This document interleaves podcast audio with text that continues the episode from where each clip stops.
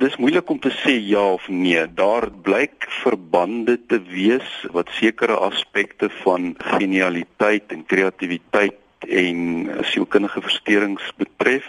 Die een ding wat 'n mens kan sê is dat daar nie werklik waar 'n duidelike helder antwoord oor hierdie saak na vore kom nie. Die kunstenaars is bekende mense, is in die kollig. Daar kom dan nou hierdie idee vandaan, jy weet dat hulle eksentriek is en dat hulle eenkant staan. Dit het natuurlik baie bygedra tot 'n klomp mites. Die interessante een is van Gogh. Daar was vir baie lank geglo dat van Gogh omdat hy selfmoord gepleeg het en omdat hy nou nogal redelike vreemde gedrag getoon het dat hy nou bipolêr was of dat hy skizofrenie gehad het.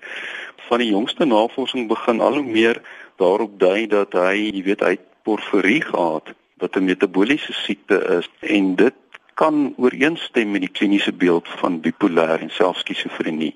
Nogtans het dit bygedra tot hierdie idee om 'n sielstoestand te romantiseer. Baie beslis. Indien ons nou wel 'n verband sou trek tussen 'n hoë intelligensie en 'n sielstoestand, watter vlak van IQ praat ons van?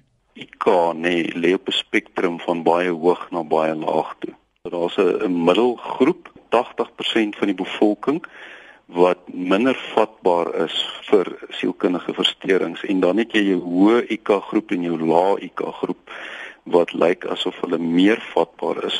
By diegene met te hoë IQ, die mite is dan nou dat hoe slimmer jy word, hoe beter is die kans dat jy 'n sielkundige versteuring kan ontwikkel en dit maak sin want as ons nou ook kyk na die persoonlikheidseienskappe van mense met hoë IQ's dan sien ons nou jy weet dis mense wat dikwels baie vars en anders kyk na die wêreld om ons. Hulle is baie meer sensitief in hulle verhoudinge. Hulle is dikwels baie meer intens in hoe hulle um, hulle emosies ervaar en en hoe hulle genot betekenis in die lewe skep. En dan is daar twee ander dinge ook want wat maak mense suksesvol as kunstenaars of wat maak mense nou geniaal in 'n spesifieke veld? Hulle is baie toegewyd, nê. Nee. Hulle is ook perfeksionisties dikwels.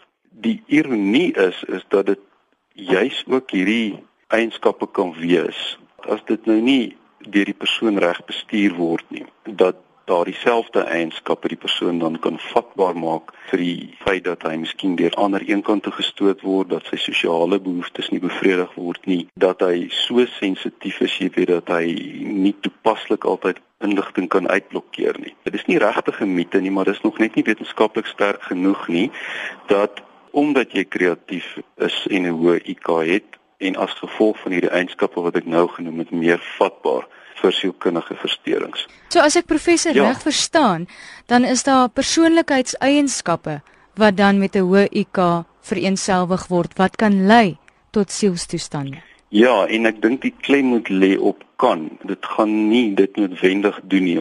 Kyk, as jy nou vanuit 'n welstandsperspektief kyk na versteurings en kreatiwiteit, dan kreatiwiteit is tog 'n sterkte. Onlangs het Christopher Peterson 'n baie oulike idee gegee vir ons. Kreatiwiteit is 'n sterkte want dit help jou om beter aan te pas. Dit maak dat jy makliker probleme oplos. Maar hy het dan gesê by gebrek aan hierdie sterkte, jy weet, kan vir jou bepaalde probleme bring, maar oordrewe hoeveelheid kreatiwiteit kan ook vir jou probleme veroorsaak want dan is jy eksentriek eerder as wat jy funksioneel kreatief is. As ons kyk na die drie bene van welstand, toegewyde lewe, die betekenisvolle lewe en die genotvolle lewe.